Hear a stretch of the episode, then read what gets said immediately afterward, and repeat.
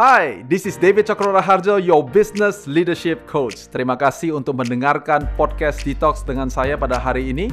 Jangan lupa untuk share Detox ini dengan teman-teman kamu. I hope you enjoy this podcast.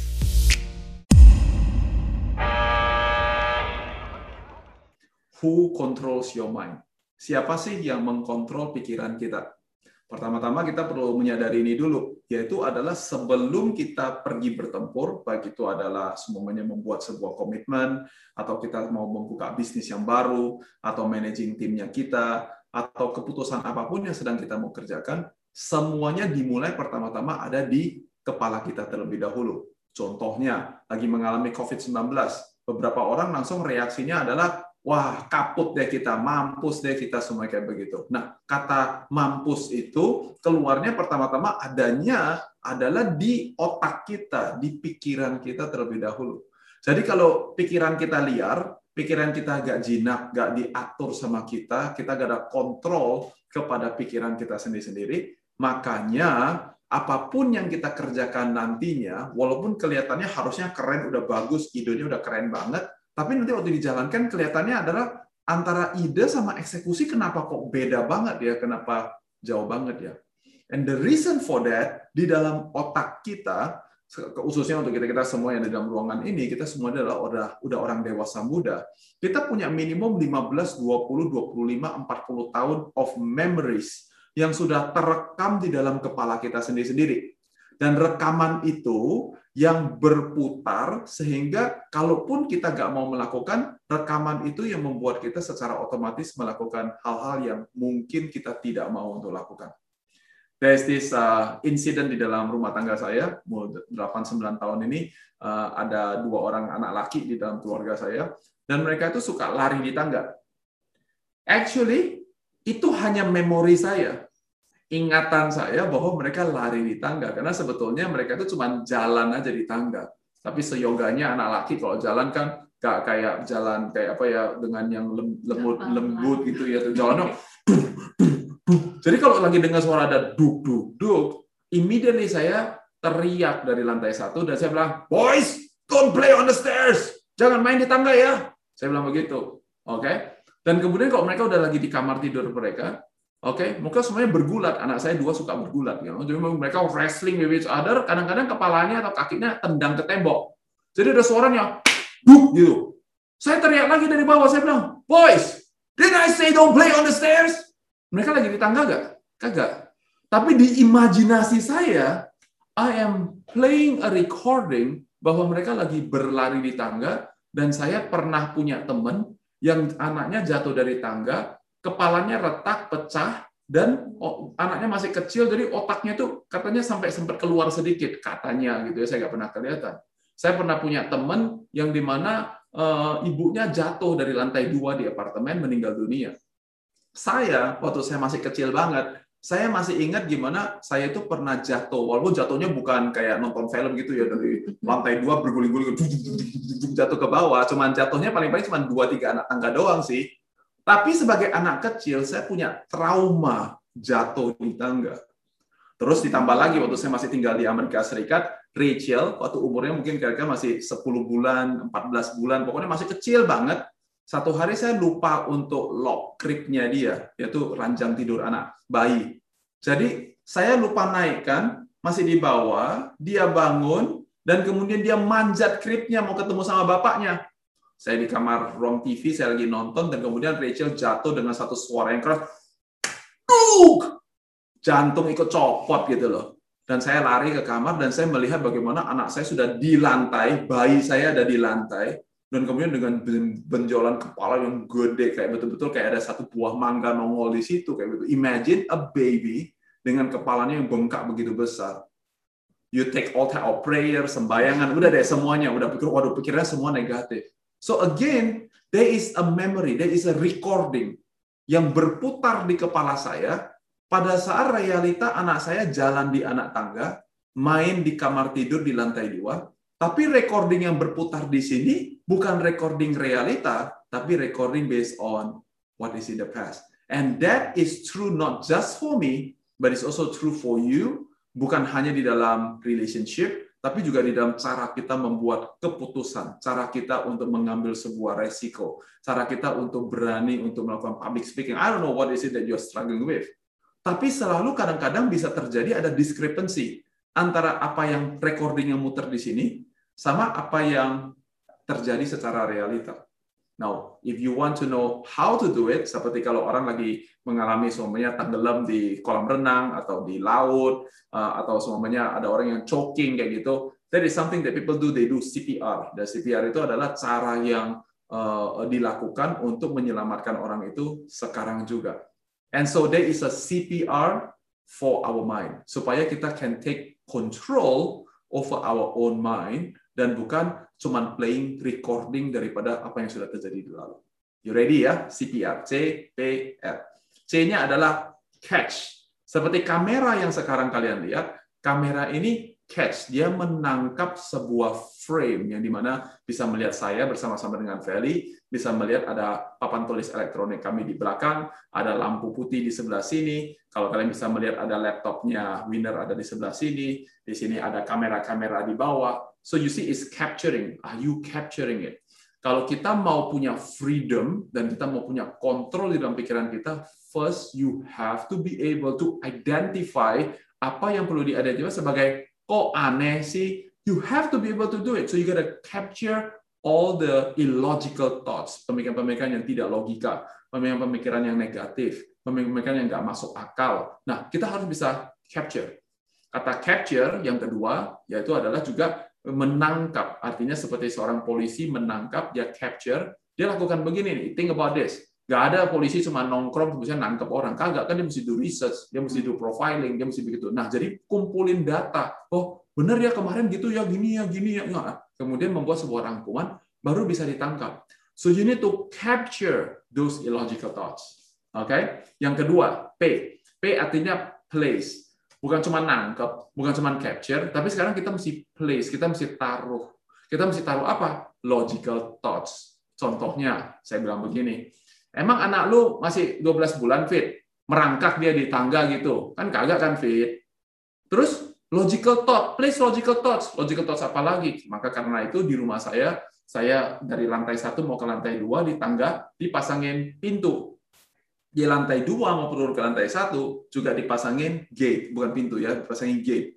Sehingga apa? Pada saat anak saya pada saat itu masih berumur 2 tahun, 3 tahun, 4 tahun, kalau kita kunci dari situ, dia bisa main di lantai dua, tapi dia nggak mungkin bisa begitu hebatnya tenaga upper strength-nya gitu kok dia bisa manjat dari naik ke atas, kemudian dia lompat ke lantai satu itu nggak ada, mana mungkin. Temboknya aja, gate-nya aja lebih tinggi daripada dia. So, you replace it, kita taruh logical thoughts masa sih ada AI? Memang bayi kita bayi Incredible Hulk gitu yang so, wow pagar ditenjur dar hancur. That's illogical right? Illogical. Jadi you place it with logical thoughts. The same in your business the same in your parenting the same in your marriage you need to place logical thoughts. Pada saat kita put logical thoughts kalau dalam bisnis mungkin namanya business model kita bikin revenue model kita pikirin customer satisfaction kita modelnya seperti apa ya Nah, kita pikirin mereka mau bayarnya bulanan atau harian ya. You put with a logical thoughts. Nah, kalau kita sudah lakukan dengan logical thoughts, kita punya R dan kita punya eh, kita punya C dan kita punya P. Berarti you know how to catch and you know how to place. Di dalam pikiran kita ada yang kita catch tapi kita belum place. Ada yang kita sudah place a lot of positive thoughts but you did not catch your negative thoughts karena kita sayang-sayang. Kita bilang enggak lah, enggak lah, beda lah. Kalau gua kan beda. And ada yang we did not catch and we did not place. Itu tempat yang paling berbahaya. Itu seperti masuk ke hutan yang liar. You don't know what to expect. You can behave any way you want it to be. Over time, if you want to take control of your mind, taunya gimana? Taunya karena R, yaitu adalah record. So after you catch, you place, and now you record. Record artinya kita melihat sebuah record, kita melihat sebuah bukti bahwa banyak yang saya sudah catch and uh, place. Pada saat kita melihat itu, maka di situ kita menyadari bahwa adalah I am in control of my mind. Artinya bukan berarti bahwa saya seperti contoh yang saya berikan di awal yaitu adalah anak saya apa namanya di tangga kemudian saya sekarang juga 100% cool gak kenapa-kenapa tapi saya tahu contoh kalau seumpamanya anak saya lagi main PlayStation Kemudian saya bilang begini, naik ke atas sikat gigi. Saya sudah tahu bahwa tendensi daripada anak saya, rekod akan menunjukkan bahwa dia akan mau lari secepat-cepatnya naik ke lantai dua untuk sikat gigi dia. Karena di imajinasi dia adalah, if I do it fast, then I can quickly also come down and play my PlayStation. Apalagi ditambah kalau semuanya kakaknya atau abangnya lagi kebetulan lagi juga main.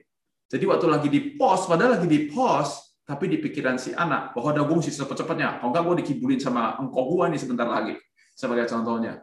And so the record shows you, and when you do your C and P properly, it give you a record yang di mana kita selalu memiliki options dan kita memiliki cara-cara untuk mengantisipasi sesuatu yang kita tidak inginkan untuk terjadi. Jadi sebagai contohnya, kalau saya suruh dia naik ke atas, saya bilang begini, Daniel, pause. Nobody touch the remote control. Now Jojo, go up, go shower, and go brush your teeth sebagai contohnya.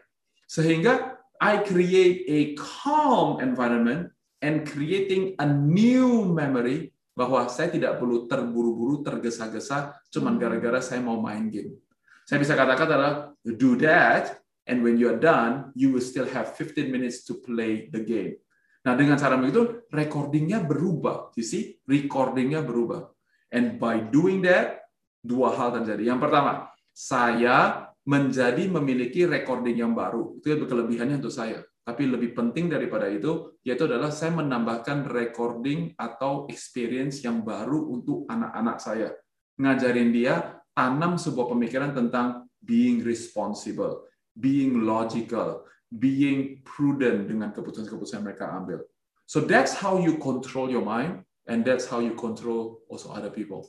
Now, my plus one untuk hari ini yaitu adalah your words create your world. Kita semuanya senang nggak senang hidup di dalam sebuah dunia. Oke, okay? kita hidup dalam dunia dan dunianya mesti adalah dunia fantasi. Karena saringan mata saya adalah hidup di dunia saya.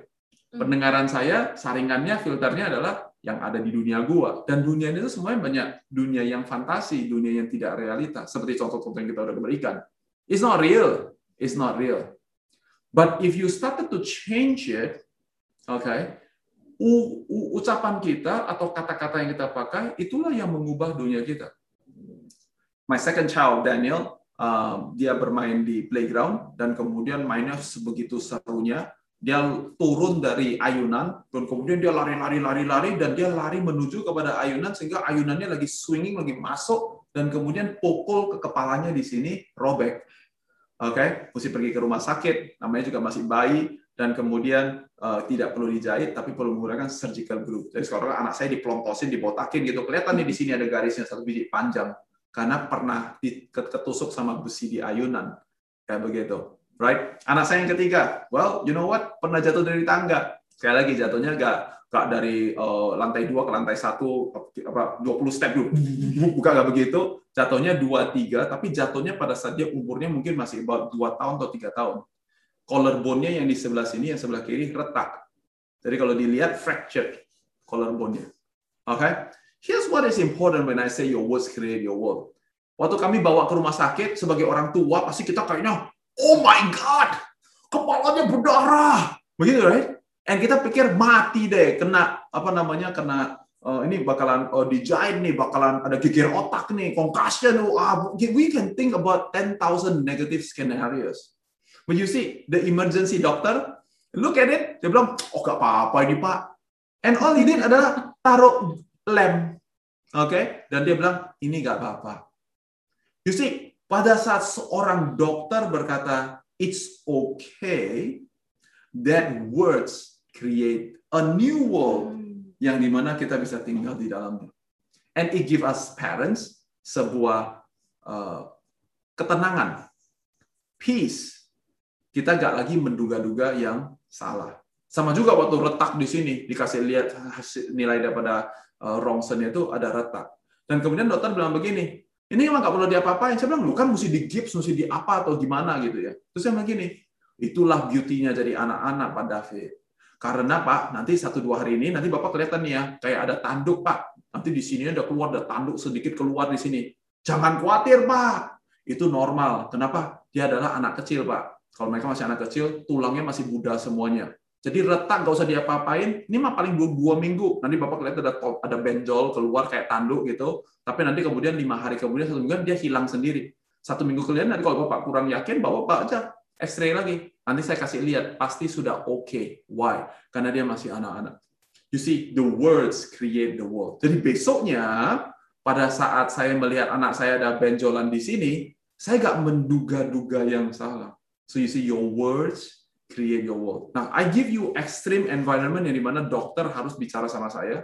And now I'm telling you as a coach, yaitu adalah kalau mulut kita bilangnya adalah gua gak bisa, you have lost the battle first and foremost in your mind, makanya kerjanya gak selesai-selesai karena gak bisa fit. Bukan gak bisa, tapi karena mulut kita bilang gua gak bisa, dunia yang diciptakan adalah dunia gua gak bisa. Oke, okay? instead of bilang gak bisa, About kita ganti dengan adalah saya belum tahu caranya. Karena saya belum tahu caranya, memberikan komando kepada otak saya, tinggal di sebuah dunia di mana saya perlu tahu caranya bagaimana. Saya bisa bertanya kepada teman saya, saya bisa tanya Google, saya bisa tanya sama coach, saya bisa bertanya dengan orang tua saya, saya bisa melakukan banyak hal. Tapi saya nggak bisa membuat kalian berkata bahwa kalian mau tahu caranya. Karena kalau mulut kita bilang adalah saya nggak bisa, you just created a world of saya nggak bisa. So no matter what I say, even as your coach, you cannot change and you are not in control of your mind because you give other things to control your mind. I hope this is useful for you all. Thank you for listening to Detox with David Chokro Raharjo. Please share this podcast to all social media that you have Kalau kamu mau tahu lebih banyak tentang Coach Diti, kamu bisa cek description box dari Detox ini atau go to our website di www.davidcokroraharjo.com. Dan jangan lupa untuk follow Instagram Coach Diti di @dtjokron.